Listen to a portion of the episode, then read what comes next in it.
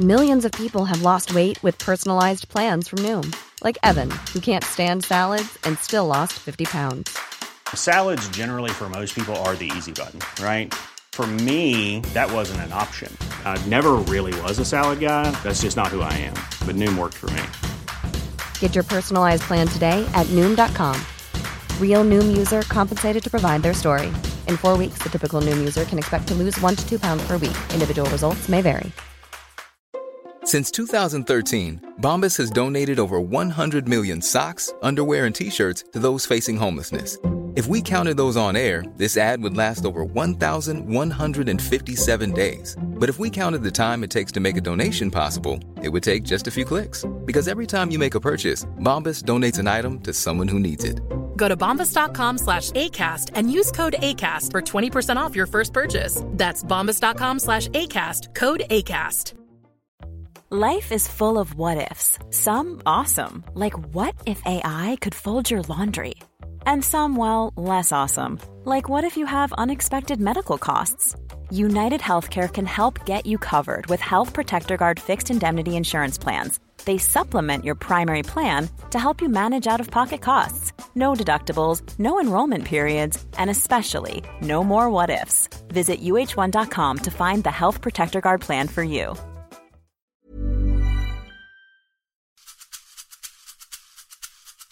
Gör inte allting själv. Både i mm, min forna karriär och den, min nuvarande så höll jag på att tro att jag skulle göra allting själv.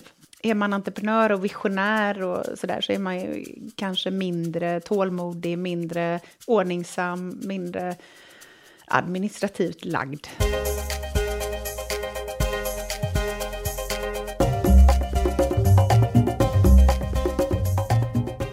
Hon hade en spännande karriär som jurist i London och saknade feminina affärskläder för kvinnor. En idé som föddes under föräldraledigheten blev början till klädmärket Marville Road och en entreprenörskarriär. Veckans gäst är Jenny Holmén som började sin bana som jurist i materialrätt inom spraykoncernen och sen jobbat på byråer som Field Fisher Waterhouse i London och Mannheim i Swartling i Sverige innan hon la juristlivet åt sidan och nu alltså skapar kläder för starka kvinnor. Vi får följa Jennys resa som entreprenör i en bransch under stark förändring och kommer att prata om hennes vision om att vilja klä kvinnor för framgång. Aktiva kvinnor med massor av järn i elden måste ständigt prioritera saker framför andra för att hinna med allt de vill i livet. Och hon jobbar mest med basmodeller som ska vara lätta att kombinera med förhoppningen att det här ska leda till mindre slit och slängkultur och därmed mer hållbarhet. Jag som programledare heter Eva Ekedal och innan vi startar vill jag tacka min samarbetspartner fackförbundet Unionen som gör det möjligt att sända Karriärpodden. En podd med kvinnliga ledare och förebilder. Nu kör vi!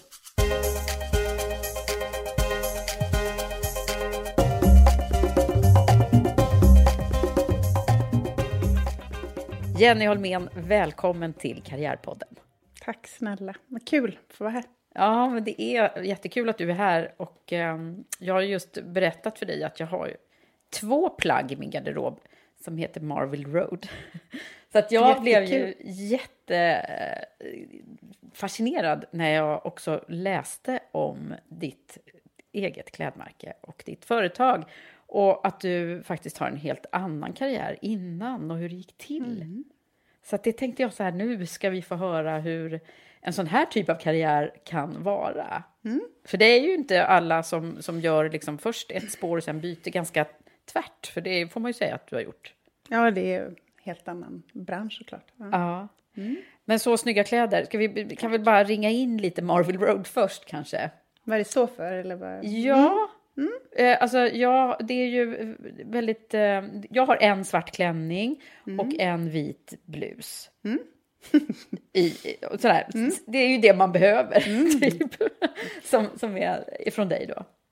Mm. Mm. Eh, men eh, hela min idé är ju att eh, förse dig, en sån kvinna som du och många fler, med bra basplagg eller nyckelplagg ska jag kalla det. Eh, som du känner dig lite sådär to go-plagg Man alltid känner sig redo. Eh, vad du än ska ta dig an, så att säga. Så man både kan klä upp och klä ner Som lite. du De kan klä upp och klä enkla, ner och du kan mixa och matcha med varandra. Man kanske inte ska behöva så väldigt många plagg i sin garderob. Utan, Nej. men jag, känslan av att just det där plagget, när, det är, när du ska göra något viktigt, eh, så ska det, när du tar på den där blusen ska du alltid Mm. känna dig eh, redo. Du ska inte behöva tänka på att, hur den sitter eller inte. Du ska veta att den här funkar alltid. Så bra tänkt. Mm, och då undrar man ju så här, vem är kvinnan nu bakom detta eh, modemärke? Mm. Eh, Så jag tror att vi behöver, vi behöver eh, berätta lite. Du måste berätta vem, eh, hur, hur det här har gått till. Mm. Och vad, vad var du från början? Ehm, från början jobbade jag då som jurist. Mina mm, många år eh, var jag verksam som jurist i London. Började som eh, immaterialrättsjurist, eller det, har ju, det är det som jag har varit specialiserad på. Och eh, de första åren var jag, jobbade jag med internetrelaterade frågor. Eh, inom spraykoncernen. Under första här gamla IT-boomen. Ja, verkligen. Som jag verkligen var också kul. mitt uppe i kan jag säga. Då rekryterade det jag för brinnande Hjälp. livet. Ja, det var då jag kom in i liksom, IT-svängen och rekryterade så mycket där. Vilket Så är min kul. bakgrund. Så att, ja, kan tänka mig att de, alltså, för det är just det, vad mycket... vi hade kunnat träffas då säkert i något rekryteringssammanhang. Ja, kanske. Men var du i, i London redan Ja, då? jag, var, jag började, jag var egentligen... Jag har jobbat mycket längre i London egentligen faktiskt än i Sverige. Med just de här frågorna. Ehm, ja, så jag började direkt eh, efter min mastersutbildning i London så blev jag kontaktad av min eh, kvinnliga härliga chef Frida eh, till eh, en sådan roll. Då. Så vi var tre personer som byggde upp juristavdelningen inom På spray, Spray. ja, ett av spraybolagen. Då. Så det var Vad coolt. jättekul. Du Ja, var mitt inne i liksom det häftigaste, häftigaste då. Ja, vi pratade lite om det förut. Man, kan, man kunde vara... Det var ju helt annorlunda än advokatbyråvärlden som man kom till sen då. Men till exempel så eh, satt vi, eller vi, man kunde under ett telefonsamtal med varumärkeschefen för Volvo Cars så kunde det komma en kille på en skateboard farande förbi och jag kunde få en fotboll i huvudet. Och, Ja. ja, nej, det var jättekul. Det var så där du trodde att det Vansinnigt var liksom i yrkeslivet. Ja, nej, nej, det var superkul och massa, massa ansvar. Väldigt stora kläder att eh, fylla, men eh, gud så lärorikt. Jättekul var det. Vad var det som var eh, den stora lärdomen ifrån den epoken? Ehm, vad var den stora? Ja, men att man eh, hela tiden var... Det är nästan entreprenöriellt, tror jag, var den största lärdomen. Att jag hela tiden behövde finna lösningar. Det handlade såklart mycket om juridiken, men man kanske mindre än vad man tror. Mer att hitta lösningar också för den typen av bolag som vi, hade, som vi var och som vi hade som klienter dessutom. Det var ju många andra IT-bolagen som vi hade som kunder och de hade... Där fick man ju vara lösningsorienterad. Det tyckte jag var jättekul. Det Kreativitet. kanske är så att du använder massor av de där grejerna idag, tänker jag. När Ja, du nu är det gör jag absolut. Själv? Det ju- Ja, kanske inte... Ja, men man, kreativiteten helt enkelt. Mm. Och man hittar lösningar istället för att se problem hela tiden. Ja. Men sen kom du in då i eh, den mer traditionella advokatbranschen, kan man säga. Jag sökte mig väl lite åt det hållet efter flera år. För jag mm, gick till en större konkurrent där jag byggde upp en liknande verksamhet som Spray hade. Och sen så eh, hittade jag hem till en eh, engelsk advokatbyrå. Eh, det var jättekul också. Så att, eh, jag får alltid frågan. Eh, Liksom, vantrivdes jag med Ja. juristyrket? Och kommer säkert in på det sen. Men eh, nej, det har jag aldrig gjort. Det, Det var jättespännande. Ja. Nej, men jag har provat på så mycket olika och olika sorters organisationer. Även om ämnena har varit detsamma. Problemställningarna har varit samma och sådär. Så, mm, nej, jättekul att få testa på. En engelsk större eh, advokatbyrå också. Mm. Som du var på ganska många år. Ja, eh, precis. Fyra år någonting, Mm. tror jag. Och sen så eh, flyttade vi till Sverige. Men hur, alltså då måste vi backa här Mm. nu. Stanna kvar lite där i England. För att, hur blev det eh, London överhuvudtaget då? Ja, men det berodde på att jag läste, efter Lund så var jag sugen på bara ta ett års specialistutbildning då. Mm. Eh, och då läste jag min mastersutbildning eh, med immaterialrätt som eh, inriktning i London. Ja. Så det var det. Det och var sen var bara- jag ju sugen på London såklart. Komma utomlands. Jag var, Det var Paris eller London. Tittade lite på New York också. Men eh, jag var jättesugen på att jobba internationellt. Och det är inte toklätt som jurist ska man säga. Nej. Det var ju eh, rätt motigt att sedan få... Det var en sak att läsa och komma in på en utbildning. Det var ju inte svårt. Men att sen... Just som ju- jurist så eh, tror man ju att det kanske ska vara lätt att arbeta internationellt. Men det kan vara lite lurigt. Man, eh, det är ju nationell rätt som Ja, ja, gäller. och precis. hur mycket vi än internationaliserar oss och blir harmoniserade med EU-lagar och annat så det, har varit en, det var en utmaning ett bra tag tyckte jag. Att Ja. eh, liksom få, få arbete på det sättet inom det man vill göra. Ehm, Men hur blev det um, jurist då? Visste du det från början? Eller? nej, inte alls. Ehm, såklart så är det väl så att hemifrån har en del, hel del att spela in eh, på det där, spelar roll. Min far är jurist, varit verksam, men han sa hela tiden nej, nej. Du ska göra Alltså, någonting annat. inte? Nej, men han trodde väl inte. Jag valde nog det för... Jag valde mellan massa olika saker. Men jag tyckte att det kändes som en bra bas att stå på. Inte helt hundra om det har varit det alla gånger. Jag kanske, men inte visste jag då att jag skulle liksom starta ett klädmärke. Men jag tror att det är en bra, alltså det är väl lite grann att skjuta upp i slutet. Vad, vad ska man göra med sitt liv liksom och sådär. Tog Men det var en jättebra skola. Ja, men det var jätte, jag gillade att plugga, alltid gillat att plugga. Ja, ska vi få en liten glimt ifrån din uppväxttid också? Vem var Jenny då? Var är du uppvuxen? Uppvuxen i söder om Göteborg. Mm, Gick i hör skola det. inne i stan. Ja.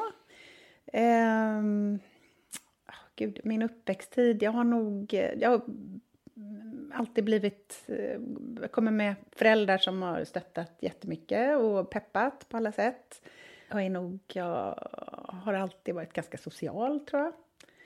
Ehm, kan man säga mer? Ehm, Duktig i skolan. Ja, men jag gillade att plugga, jag gillade att läsa. Jag tyckte det var kul. Ehm, ska inte säga att jag har haft jättelätt för mig, men jag var mer av en plugghäst tror jag.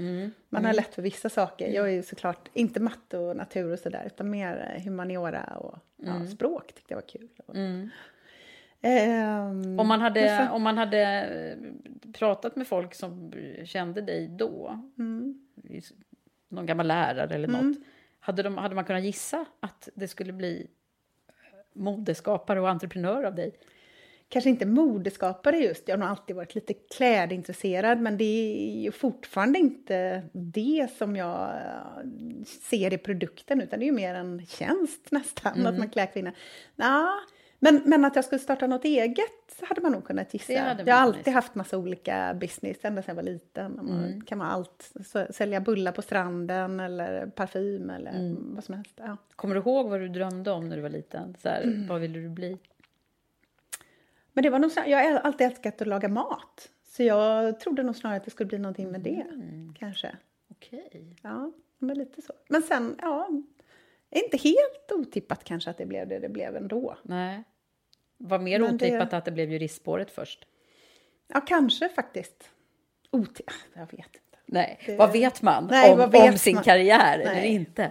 Det är ju som jag tycker det kommer fram så himla tydligt det i de flesta intervjuer här att, att det är få som liksom har karri karriärplanerat.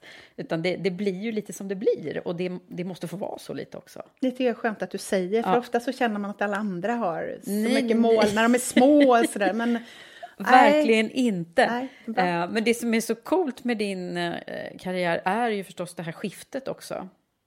Som vi är väldigt nyfikna på att höra mer dumdristigt om. ibland kanske. Men, Nej, men hur gick Nej. det till? Alltså när du fick idén om att nu måste jag göra det här. eh, Berätta, hur gick det till? nej, men det jag får ju ofta den där frågan. Mm. och vet aldrig riktigt vad jag ska svara. För att det är faktiskt ett litet projekt, sådär som en tanke som nog levde sitt eget liv Ja. ett litet tag. Det har fanns med ett tag liksom. Ja, men det, det, det, det är klart att det tar lite tid att vänja sig vid tanken att man ska våga satsa eh, på något så annorlunda mot vad man har gjort tidigare. Jag kunde inte ett strunt om klädbranschen. Eh, jag kunde ingenting om det. Och jag liksom hade, eh, nej men det var ren och pur nyfikenhet. Eh, verkligen, och det kan jag säga innerligt. Den, Eh, det är kan en väldigt jag- bra drivkraft, nyfikenheten. Ja, Den men det är nog en stor drivkraft hos mig, tror jag. Absolut. Ja. Eh, Och vad var du nyfiken på? Nej, men jag var nyfiken på... För det första så är produkten som sådan sprunget ur ett eget behov. Jag var skittrött, rent ut sagt. Jättetrött, kanske man ska säga. Eh, på att eh, juristtjejer och eh, tjejer på kontor, alla mina kompisar runt omkring mig och jag själv och mina kollegor, vi, många av oss såg ju ut som att vi försökte dölja oss i någon slags eh, manlig kostym. Alla gick runt ett tag i svarta, lite manliga kostymer. Gud vad jag känner igen mig nu. Ah, så hur? träffad. Ja. Inte så där snyggt maskulina som Nej. jag kan älska att sätta på mig idag, men mer av att det var, man klädde på sig någon slags uniform och kände nästan man gömde sig i den Mm. och skyddade sig på något sätt istället för att jag kände att Ja, men då var det den här svarta kostymen med vita flippa K-toppen. Ja, så hade alla det och så såg alla precis likadana ut. Ja. Och så istället för att ja, men släppa fram sin personlighet och spela på sin kvinnlighet och se att det är en styrka.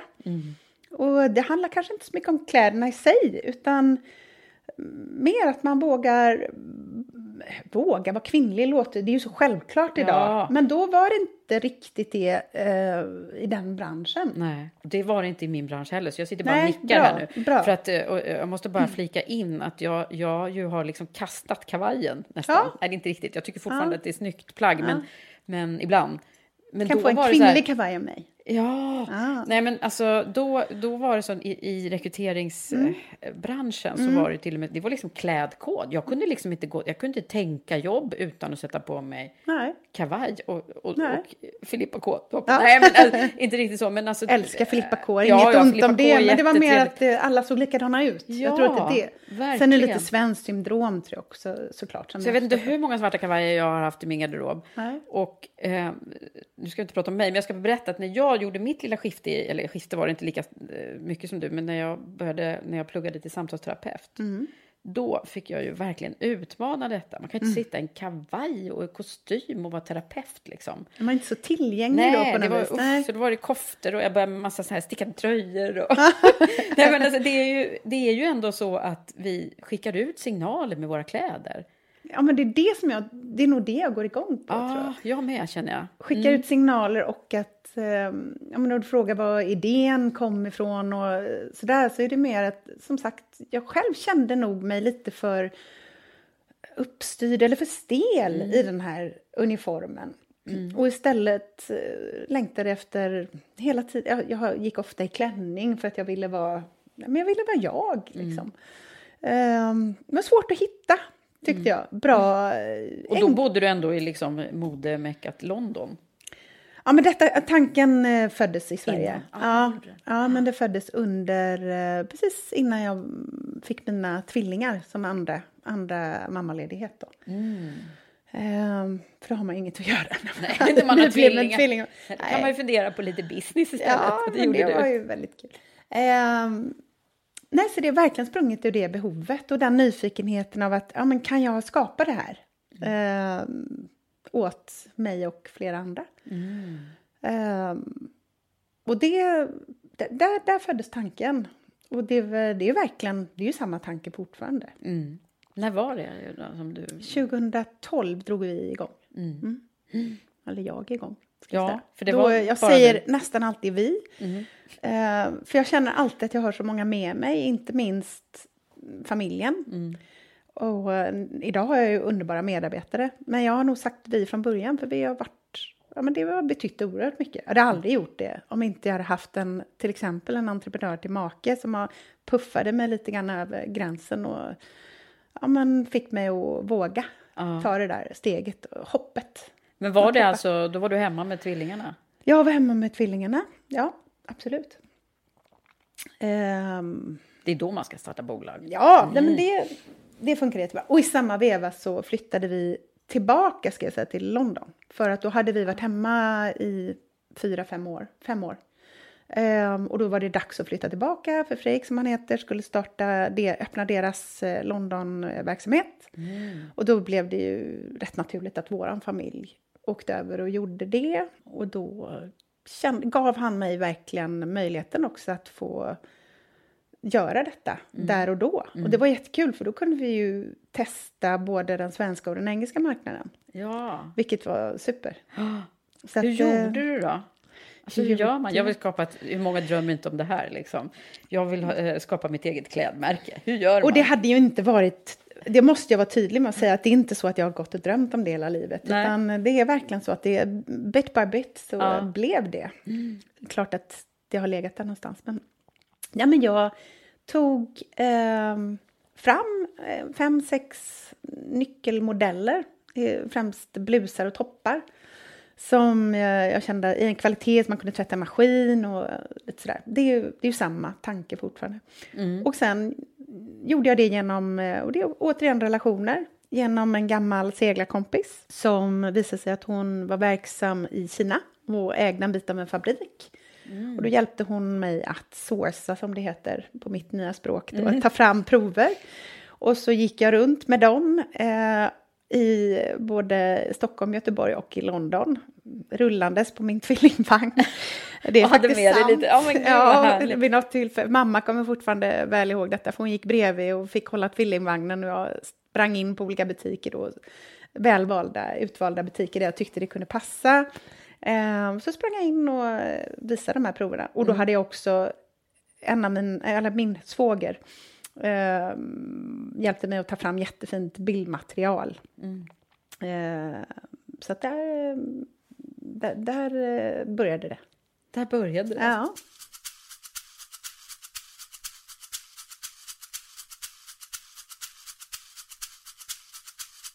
Och hur har det sen utvecklats? Då, i, i, det är ju spännande att höra. Hur har det blivit emottaget i, i eh, London respektive Sverige? Då? Ja, men vi hade ju sån himla tur. Vi, genom någon kontakt så nosade NK upp oss mm. från scratch. Och jag tror att marknaden var mogen eh, lite för just det här. Man letade efter just den här produkten, mm. vilket var ju supertur. Och eh, jättekul såklart att få en sån start. Och också kanske du hade gjort rätt spaning då, att det saknades det här eh, ja, men alltså kanske. professionella plagget som inte bara var kostym. Ja, och så fanns det inte faktiskt så jättemycket konkurrens precis just då, utan mm. då, det, det var ett gap in the market tror jag faktiskt. Att, mm. eh, nu har vi ju en, är det många som försöker fylla det gapet, så nu är vi många som slåss. Men, mm. Eller glada konkurrenter. Ja. Um, men, nej, men NK kom faktiskt över till London. Uh, så vi fick visa kollektionen där. Det kändes ju jättestort. Mm. Så först, uh, men innan de köpte in så hade vi två butiker i Stockholm, någon i Göteborg och sen uh, kom vi in på tre, fyra butiker i London. Mm. Och fick igång försäljning och då kunde vi liksom ja, men, jag tror det är viktigt i början att man, innan man drar på för stort också. Mm. Jag kunde ju som sagt nästintill ingen, alltså jag kunde inte någonting om den här branschen. Eh, och i vilka, vad man än producerar så är det ju viktigt också att man får en så kallad product fit. Man bara testar produkten på ett antal olika och, innan man drar på. Liksom. Ja. Så då kunde vi iterera och göra om och göra liksom, skruva på produkten ett tag. Mm. Um, men det var jättekul. Då kände vi med en gång att det fanns en efterfrågan. Det fanns, vi fick igång eh, försäljning med en gång. Det var jättekul. Ja, så det gick ganska fort från idé till... Ja, men att få från idé till det här gick jättefort. Mm. Uh, ett halvår, men, men uh, jag var förvånad över det faktiskt. Det var jättekul. Så idag, hur, hur det stort också... är Marvel Road idag? Idag är vi ju väldigt mycket större, men vi, i omsättning då, mm. även om jag tycker det går alldeles för långsamt. Mm. Men det går ju... Eh, nej, men det är jättekul. Eh, men idag är vi ju tre personer, mm. så det är väl klart att det är större än en. Men nu ska vi bli många fler. Ja, mm. för det går bra. Det är jätteroligt. Men du, om man nu skulle också för, förstå vad, vad namnet kommer ifrån då? Ska vi... Ja, men det finns ju en liten story. Det finns en story om det? Ja. Så i London så bodde vi på Marville Road. Mm. Jag tänkte att det fanns någon London-koppling Mm. liksom. Ja, men Marville Road är för mig en gata där det bor massa härliga kvinnor. Olika, med olika personligheter, olika klädstilar och olika eh, yrken. Och så är tanken att alla de här kvinnorna ska kunna bära Marville. Men de bär det på lite olika sätt. Och alla gemensamma nämnaren för alla är ju att de vill göra en massa roliga saker med sina liv. De eh, vill inte lägga tid på att gå runt och köpa kläder eller oroa sig för hur de ser ut på morgonen, utan det ska bara funka. Och de ska inte behöva kemtvätta och man ska ha en liten väl utvald, hållbar garderob. Och det ska vi kunna förse dem med. Så det, det är tanken. Ja, vad coolt. Det är så det har gått till. Nej, men Mm. det, det är ju... Eh, vi pratar ju rätt mycket om det här nu och har ju också ett event i Women for Leaders där du eh, Mm, är med. Och, eh, och då har vi ju uppehållit oss vid det här dilemmat att vi ju ofta tycker en del, det är ett ganska liksom, hett ämne det här med liksom, hur man ska klä sig, eller hur? Mm. Vad är rätt och vad är fel och vad vill jag skicka ut för signaler, som sagt var, Mm. som jag berättade där om mina olika roller och så. Men vi, de flesta kvinnor lägger ju rätt mycket energi på att både hitta rätt kläder och liksom hitta sig själv i det här. Vad, vad har du för liksom, tankar kring det? Nej, men, något av det viktigaste är ju att man känner sig som sig själv i sina kläder. Och det var väl just det som jag kände, och många med mig tror jag, eh, att man inte känner som sig själv när man kläd, klädde ut sig. Nej. Lite grann i den här maskulina eh, uniformen. All personlighet försvann liksom på något sätt. Eh, utan jag är ju mer för att det här ska, för det första att du ska sitta skönt. Jag har väldigt mycket stretch i mina kläder. Det är väldigt ju- skönt ska- material. Ja, men vad bra. Ehm, det ska vara, sitta skönt, det ska vara lätt att sköta och det ska lyfta fram det bästa hos dig. Så jag tänker ju mycket på hur det sitter över axlar. Du ska kunna känna dig bekväm, även om du inte vara någon tjockis. Utan, Men äh, många av oss som bär de här kläderna kanske har fött lite barn eller ska kunna göra det. Eh, och, ja, det ska kännas skönt. Liksom. Mm. Snittet eller siluetten är viktigt att den känns kvinnlig och den känns... Du ska få lite power när du har på dig mina kläder. Det tycker jag. Att det, det ska ge utrymme för eh, det bästa hos dig. Utan att låta allt för klyschig. Men... Ja, men det, det ligger ju mycket i det här att... Eh, att eh, jag menar, det finns ju olika tillfällen man kan prata om när man ska gå på anställningsintervju, när man ska på den där jätteroliga festen som är direkt efter jobbet. Eh, nej, men det finns ju ett antal tillfällen när man står där och liksom, eh, behöver både... och tycker inte att man har någonting att sätta på sig. Nej. Det tror jag vi alla känner igen, att man har kastat runt lite kläder vid några tillfällen. och garderoben ser ut som ett kaos. Mm. Det, där, är- det är ju jättebra om du kan råda bot på det, att vi hittar några liksom plagg som är gångbara. Men sen är det en annan aspekt på det där tycker jag. Det, jag. Jag hade ju förmånen att vara i, EU och i Bryssel här i, i, nu i veckan. Det var ju fantastiskt det. spännande och roligt. Eh, vilket jag, de som följer mig på Instagram har sett en lång story om hur det där gick till. Eh, men då träffade jag en massa kvinnor som, som sa så här, åh, då tyckte de att jag hade något snyggt på mig och, och, och sa det då, för att vi här i, i Bryssel, här bryr vi oss inte så mycket om, alla ser lite så här eh, olika, alltså vi, vi i Sverige är ju kanske lite mer medvetna om vad det är som är just nu gäller och det är många som följer kanske i varandras stilar på ett sätt som man inte gjorde där, tyckte den här personen då.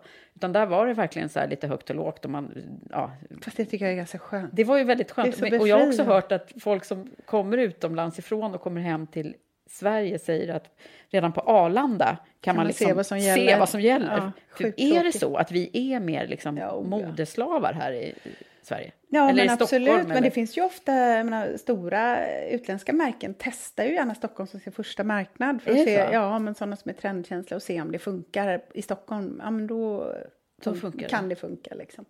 Det är Absolut. det är lite så- roligt att höra att vi är lite Ja, före på gott då. och ont tycker jag. Men, eh, nej, men vi börjar väl bli bättre kanske på att släppa fram det lite mer kvinnliga och lite mer individuella. Mm. Sen handlar det ju mycket, för att knyta an till din Mm. fråga, kunna liksom förse eller tillhandahålla en garderob som funkar till alla de där tillfällena du rapar upp. Det handlar ju också mycket om, för att mm, den kan ju inte, kan ju inte vara för stor. Och det är inte heller eh, Hållbart. hållbart idag. Som vi pratar och vi mycket om. Ja, men absolut. Och klimatsmart och allting. Så jag tycker att ehm, bättre att bygga upp då den här liksom, hållbara garderoben bestående av ett antal nyckelplagg och lära eh, sig istället hur man kan klä upp och klä ner och kombinera den på olika sätt. Så att den funkar från, från morgon till kväll. Liksom. One size fits all seemed like a good idea for clothes Nice dress. Uh, it's a it's a t-shirt. until you tried it on. Same goes for your healthcare. That's why United Healthcare offers a variety of flexible, budget friendly coverage for medical, vision, dental, and more. So, whether you're between jobs, coming off a parent's plan, or even missed open enrollment, you can find the plan that fits you best. Find out more about United Healthcare coverage at uh1.com. That's uh1.com. Hey, I'm Ryan Reynolds. At Mint Mobile, we like to do the opposite of what Big Wireless does. They charge you a lot, we charge you a little. So naturally, when they announced they'd be raising their prices due to inflation, we decided to deflate our prices due to not hating you. That's right. We're cutting the price of Mint Unlimited from $30 a month to just $15 a month. Give it a try at mintmobile.com slash switch. $45 upfront for three months plus taxes and fees. Promo rate for new customers for limited time. Unlimited more than 40 gigabytes per month. Slows. Full terms at mintmobile.com. Wow. Nice. What you're hearing are the sounds of people everywhere putting on Bombas socks, underwear, and t-shirts made from absurdly soft materials that feel like plush clouds. Yeah, that plush. And the best part? For every item you purchase, Bombas donates another to someone facing homelessness. Bombas. Big comfort for everyone. Go to bombas.com slash ACAST and use code ACAST for 20% off your first purchase. That's bombas.com slash ACAST. Code ACAST. There's never been a faster or easier way to start your weight loss journey than with PlushCare. PlushCare accepts most insurance plans and gives you online access to board-certified physicians who can prescribe FDA-approved weight loss medications like Wigovi and Zepbound for those who qualify. Take charge of your health and speak with a board-certified physician about a weight loss plan that's right for you. Get started today at plushcare.com slash weight loss. That's plushcare.com slash weight loss. plushcare.com slash weight loss. Hey there, it's Michelle Norris. I'm host of a podcast called Your Mama's Kitchen. When I travel, I'm usually looking for a way to find a taste of home when I'm not at home. And one of the things I love to do when I am at home is entertain. And Airbnb allows me to do that. When I was in California recently, I rented a house that had a great kitchen. And when we were sitting around the table, we were all thinking, we're in someone else's house. Someone could be in all of our homes as well. If you have a home, but you're not always at home, you have an Airbnb. Your home might be worth more than you think. Find out how much at airbnb.com/slash host. Och att du alltid, framförallt att du alltid ska kunna ha, känna dig at is och ha kul i alla de här situationerna.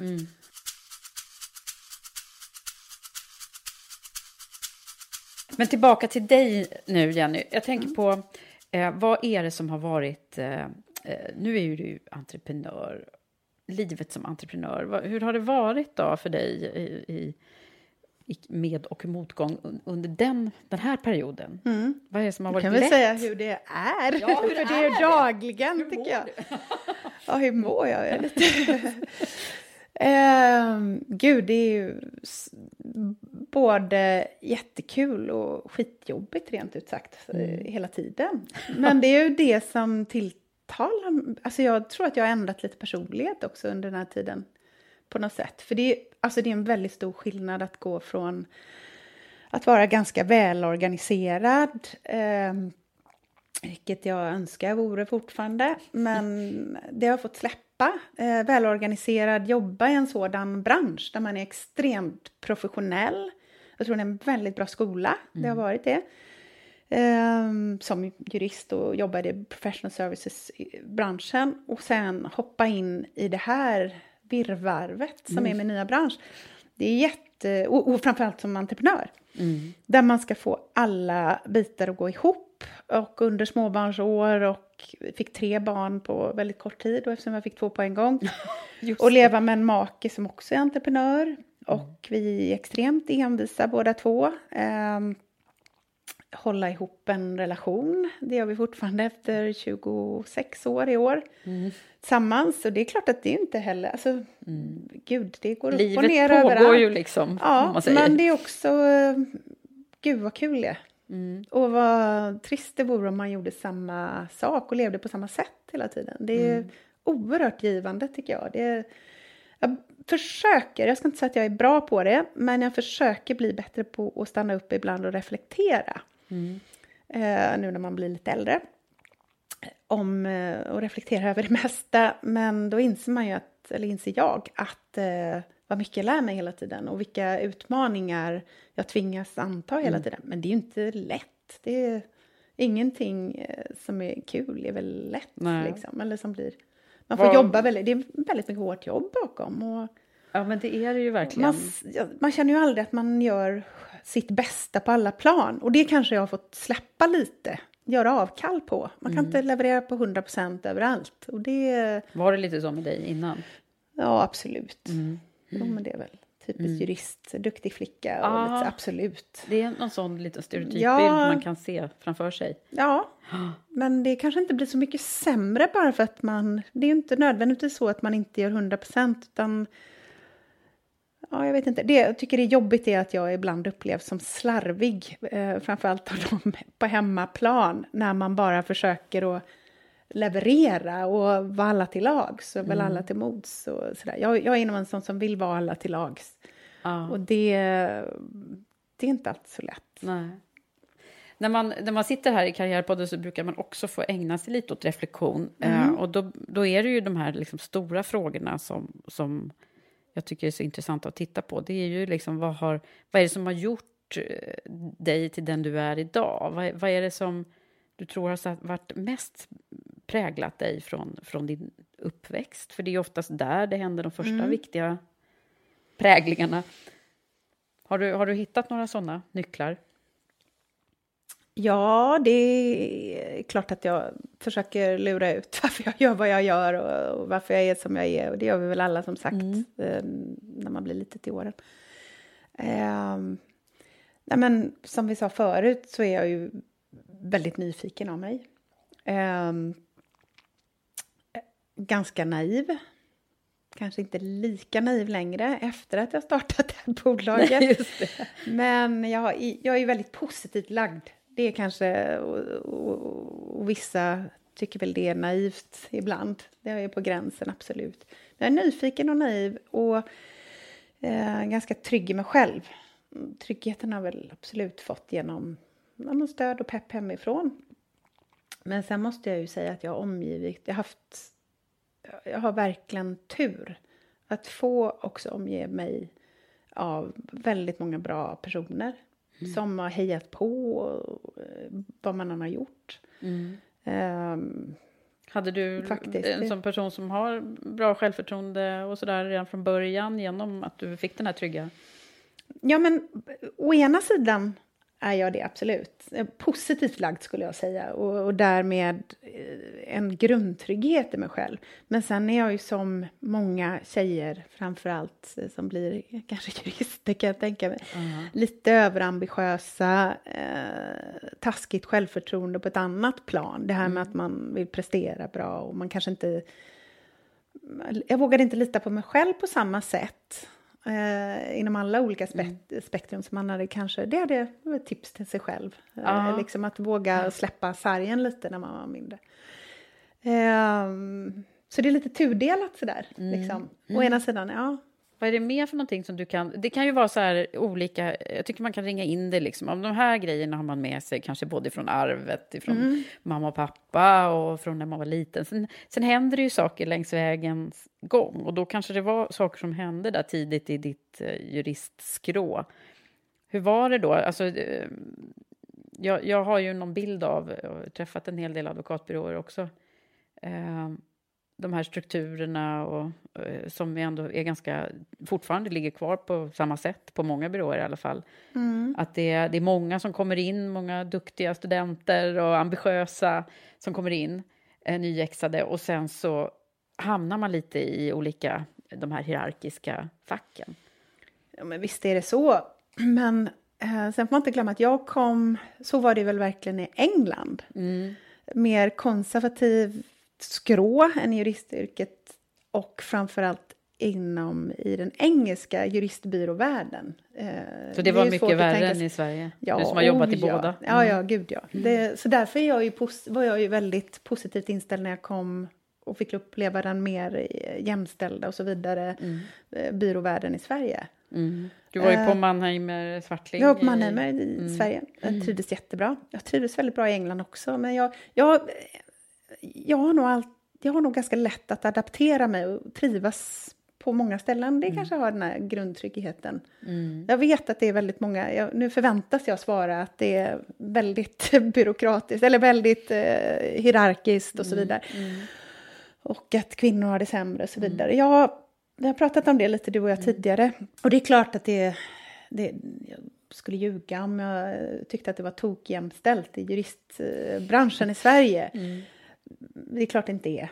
Och det finns room for improvement, verkligen. Men jag personligen har också haft turen att arbeta med många män som har varit väldigt bra på att stötta kvinnorna och slå ett slag i saken. Så jag, jag har faktiskt bara vad jag kan komma ihåg i all, ja, inom byråvärlden så har jag nästan bara arbetat nära de personerna. Sen har jag självklart sett de som inte har verkat på det sättet. De har jag hållit mig ifrån, tror jag.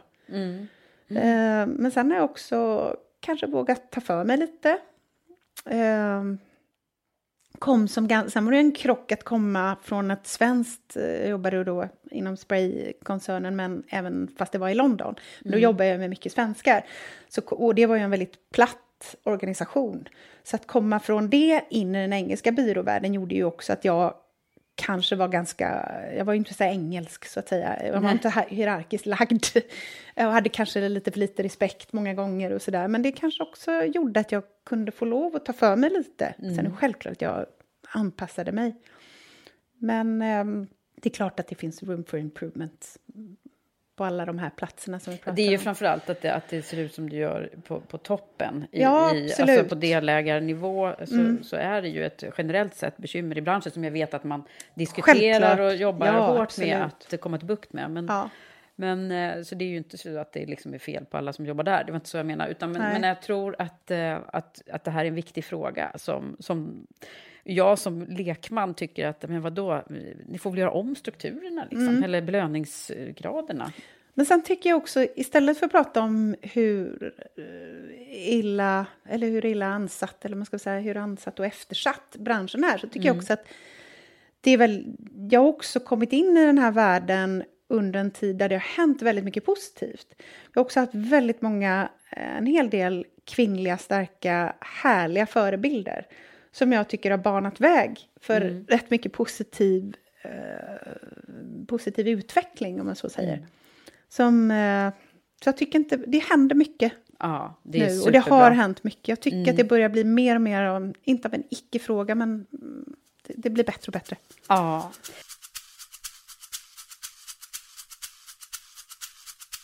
Men du Jenny, jag tänker när man har jobbat så här i några år och har blivit några år gammal Mm. så har man ju har man ju förmodligen stött på både med och motgångar på lite olika plan. Vad, Mm. vad tycker du, liksom, vad har varit det jobbigaste för dig hittills? Men det är klart att det är många saker som är jobbiga med att driva ett eget bolag. Och det är allt ifrån likviditetsbrist i min bransch då, det är ett ord som alla i min bransch eh, tampas med dagligen. Men eh, motgångarna tycker jag är oftast när, för baksidan av entreprenörskapet är ju att man eh, liksom lägger för lite tid på det som är viktigt i livet. Och det är ju sina relationer med sin familj eh, jag har turen och glädjen att fortfarande leva med samma person. Och det skulle ju kännas som ett misslyckande om den relationen gick i stöpet på grund av att jag fick ett framgångsrikt bolag. Ja, just det. Så det är det- de där frågorna som man, här, om man frågas på dödsbädden, liksom, vad är det? Ja. Ångrar du att du skulle ha jobbat mer? Det är ju liksom inget som säger. De Nej, är ju- så men, det har ju också att göra när du frågade förut vad är framgång för mig och så vidare. Och då tycker jag att det om man lyckas hålla eh, min, min, om jag lyckas hålla min relation med min make och mina barn ehm, vid liv, och inte bara vid liv, utan ha, ha, lyckats eh, bibehålla en fin relation Mm. med båda deras. Ja, men det är ju Trots- alltså den här liksom, eh, ekvationen på något sätt, att bygga bolag. Ja. Eh, Jag känner igen mig jättemycket i det där. Mm. Herre min ge, vad jag liksom eh, går bananas på att Mm. Women for Leaders och Karriärpodden ska eh, blomstra och att vi ska Mm. åstadkomma massa saker. Det är ju samma Och det går ju inte av sig självt, den kräver ju en himla massa timmar, en himla Mm. massa fokus och himla Och det är klart att jag tror inte riktigt på det här. eh, Det är en sak jag har lärt mig av eh, en av mina mentorer. Det är att man kan inte ha balans under en vecka eller under en dag eller under en tid i sitt liv. Mm. Utan jag tror, jag tror det är väldigt svårt att få det här... Jag är så trött på Ja. livspusselproblematiken. Där Ena veckan så är det mer fokus på jobbet och då får man förstå att det blir mindre fokus på familjen eller relationen. Och jag får likadant tillbaka av den personen jag lever med. Mm. Men, ehm, nej, men det är klart att motgångarna, mo- den största motgången tycker jag man tampas med, det är ju när man känner att man fallerar i sin relation på grund av att man är så passionerad och driven i sin business. Mm. För man blir ju, det blir på ett helt annat sätt, det är ju ens eget barn Mm. istället för att man gör, jobbar hårt inom ett annat, någon annans verksamhet tror jag. Mm. Det är ju Det som, jag har tre söner och Marvel Road, det är ju min lilla dotter. Liksom. Ja. Det är det. Nej men det blir ju så. Ja, det är så det är, såklart. Nej, men det där är ju... Alltså, det, det finns ju heller inget liksom, facit på att, eh, hur man ska göra det där, bygga Nej. bolag. Då är man verkligen, lever med det hela tiden. Man lever med det.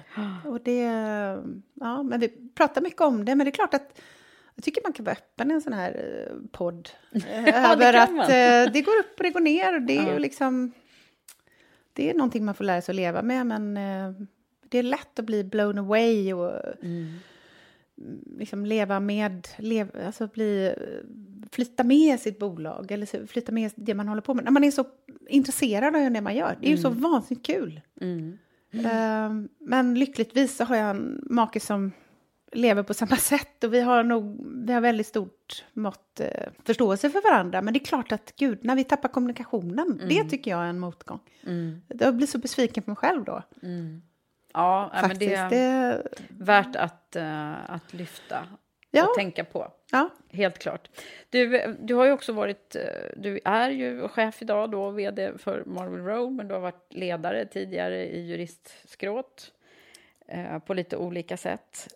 Leder, men jag har byggt upp olika team, absolut. Mm. Ja, både, ja. Vad, vad, vad säger du om det här med ledarskap då? Du, du, nu har du ju möjlighet att som sagt var forma ditt eget här nu, eh, Mm. Det är det också är så kultur och så. Vad är det som är, vad tycker du är bra ledarskap? Jag tycker bra ledarskap är när man är lyhörd för... Eh, det kan vara så mycket, men, men eh, en viktig del är när man är lyhörd för vad mina anställda brinner för. Eh, och det är lättare sagt än gjort. Det låter också så floskigt, men det är, men det är också lätt att glömma bort när man har bråttom och man... Eh, och sådär. Men det finns ju så mycket coolt man kan plocka fram och kanske lyfta, eh, i synnerhet kvinnliga eh, kvinnor som man jobbar med, som eh, kanske inte alltid är så bra på att lyfta fram det hos sig själva eller våga, eh, våga visa eller våga prata om att de är bra på saker och ting. Just Utan det, det, får man liksom plocka fram. Ja, Mm. men det tycker jag också skulle vara en framgång för mig om jag lyckas bygga en sådan miljö Mm. eh, bestående av team där, eh, där folk känner att de jobbar med det de brinner för och får bli, att, att det blir en styrka i bolaget på något vis. Det. Ja, Mm. det, är, ju- det, är väl, det, liksom, det blir ju lite win-win om man, om man lyckas med det. Du, sen så upptar jag mig en hel del med att prata om det moderna ledarskapet som vi har döpt det till. Alltså det ledarskapet som vi tror att eh, det krävs för att vi ska leva i den här förändliga världen som inte är förändlig ett tag utan som verkar vara det konstant nu. Mm. Vad, vad, vad tror du är, vad är, och när jag säger så, vad, är, vad tror du är viktigt att tänka på när det gäller det moderna ledarskapet? Som vi behöver göra ännu mer av i framtiden, om man säger så. Mm. Men jag tycker nog att många kvinnor är duktiga på det Mm. moderna ledarskap. För jag tycker det handlar väldigt mycket om... ehm, ja, men det är återigen faktiskt en slags lyhördhet. Mm. Vi, men vi, vi kanske är bättre på att känna in hur någon mår, hur någon... Eh, återigen, vad de brinner för, men också att... Eh, för hur vi får våra team med oss och inte mot oss. Mm. Och där tycker jag att vi har en styrka ofta och, och liksom förstå hur, vad, vad någon menar när de säger något visst och så vidare. Det, man, man är mer lyhörd, man är mer eh, inkännande.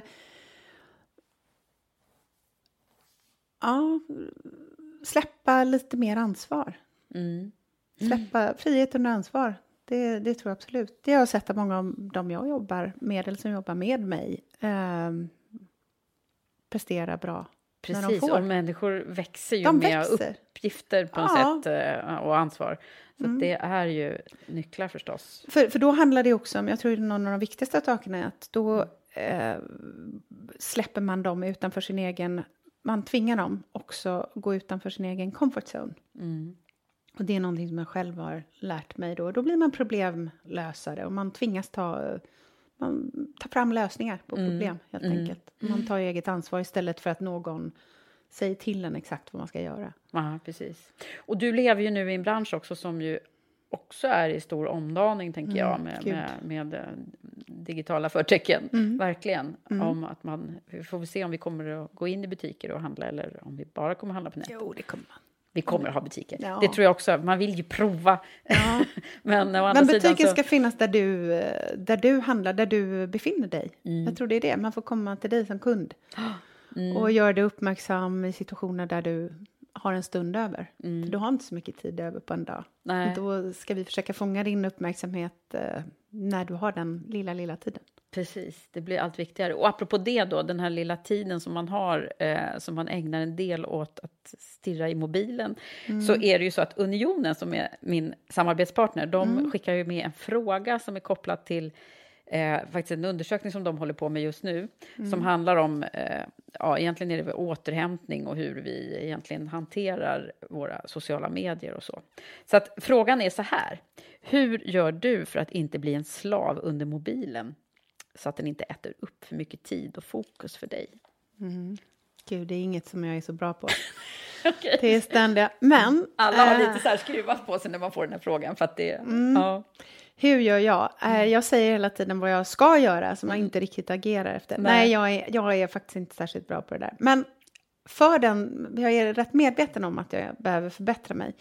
Så eh, för ett tag sedan så bad jag eh, en bekant, Katarina Gospic, som är hjärnforskare. Mm. Kanske har haft henne med? Nej, inte än. Nej, superspännande tjej, Mm. jättehärlig.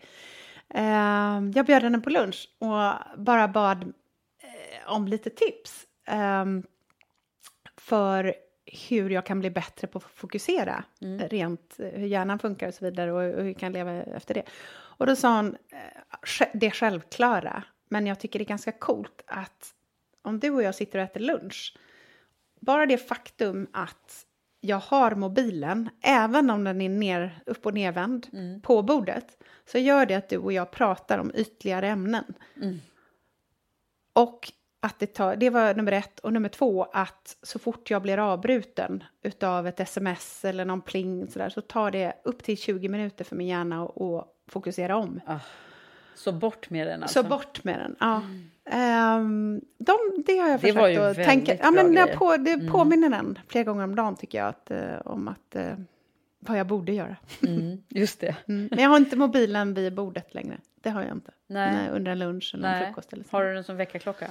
Ja, tyvärr, men det ska jag inte ha länge till. Nej, Nej. jag har också det. det är, Mm. eh, Nej, den ska ligga i köket. Jag, ner Ja. med den. Mm. Vi bestämmer det nu.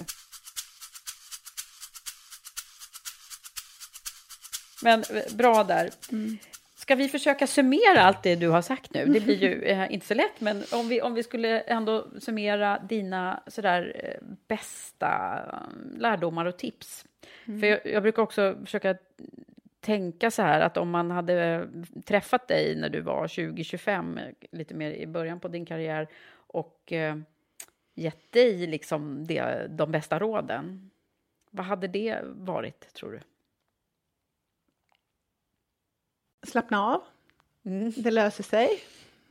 Ehm, För du var lite mer på tårna då? ja, men absolut. Mm. Det, det var jag absolut. Ehm, våga följa din passion, ditt hjärta och vad magen säger.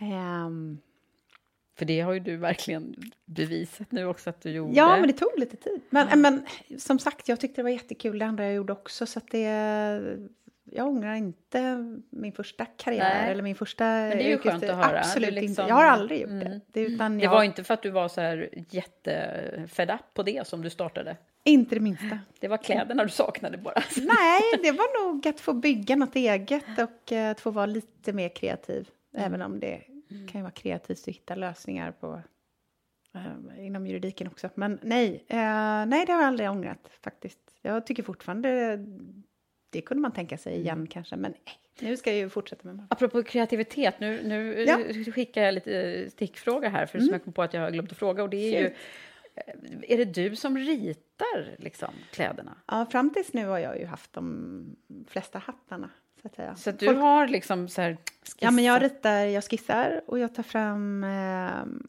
ehm, ja, men absolut, plaggen. Eh, Vad är det mer som, eh, har, eh, som är såna här bra lärdomar och tips som du vill skicka vidare? Ja, men Pay någon- it forward, du vet, som är Ja, våran, ja, eh, vårat Ja. ledord. Ehm, våga ta hjälp, eller ta hjälp. Gör inte allting själv. Jag, det tror jag länge, både i min forna karriär och den, min nuvarande, så höll jag på att tro att jag skulle göra allting själv. Jag har så mycket som inte jag är bra på, som många, som vi alla har såklart. Ehm, är man entreprenör och visionär och sådär så är man ju kanske mindre tålmodig, mindre ordningsam, mindre administrativt lagd.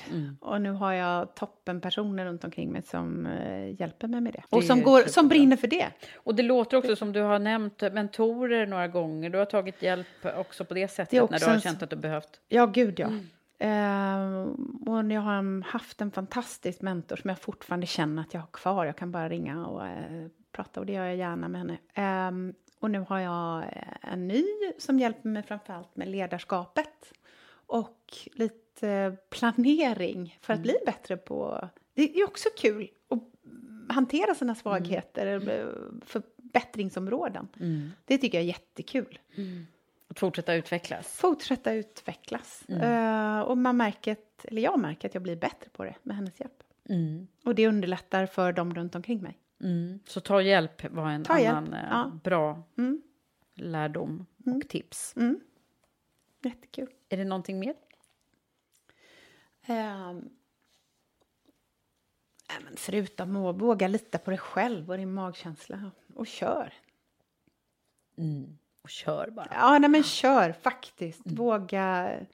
Och inte vara så rädd för att byta karriär. Det får jag frågan om hela tiden. Det, Ja. är, det är ju skitkul att ha gjort två olika saker. Och, nej, det, det ångrar jag inte det minsta. Det Har du, har du mycket nytta av din, din första karriär i det du gör nu?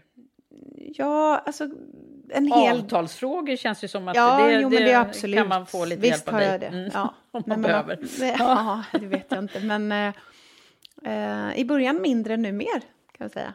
Ja. Eh, men också efter att ha refle- reflekterat över hur mycket det betyder dagligen. Det är klart att det gör, absolut. Mm.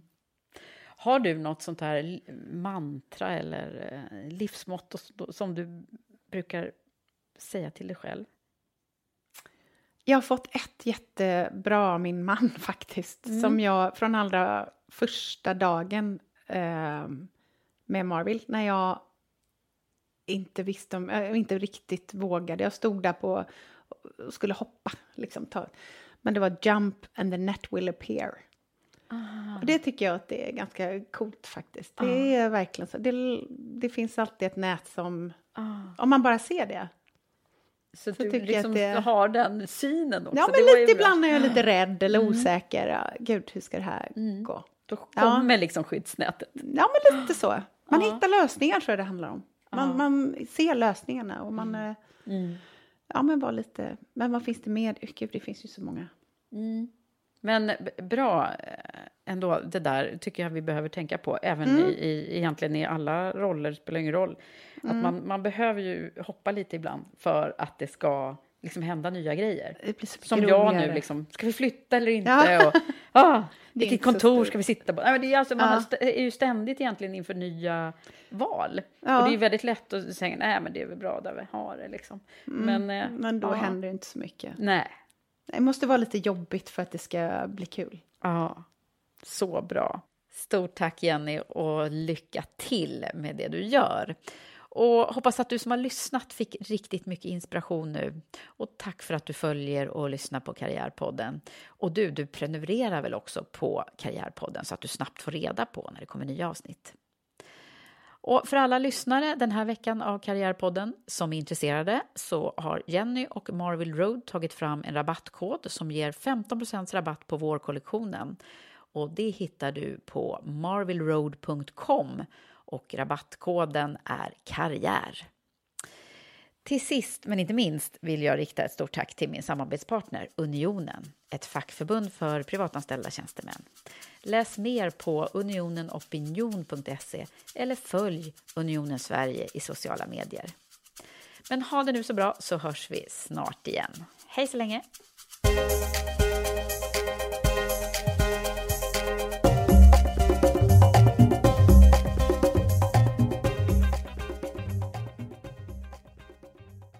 Karriärpodden produceras i samarbete med Storstad Medieproduktion. Traffic jams, tailgating, pileups. Ugh, the joys of driving. How could it get worse? The federal government wants to have a say in what you drive. That's right. The Biden administration's EPA is pushing mandates that would ban two out of every three vehicles on the road today. Don't let Washington become your backseat driver. Protect the freedom of driving your way. Visit EnergyCitizens.org. Paid for by the American Petroleum Institute.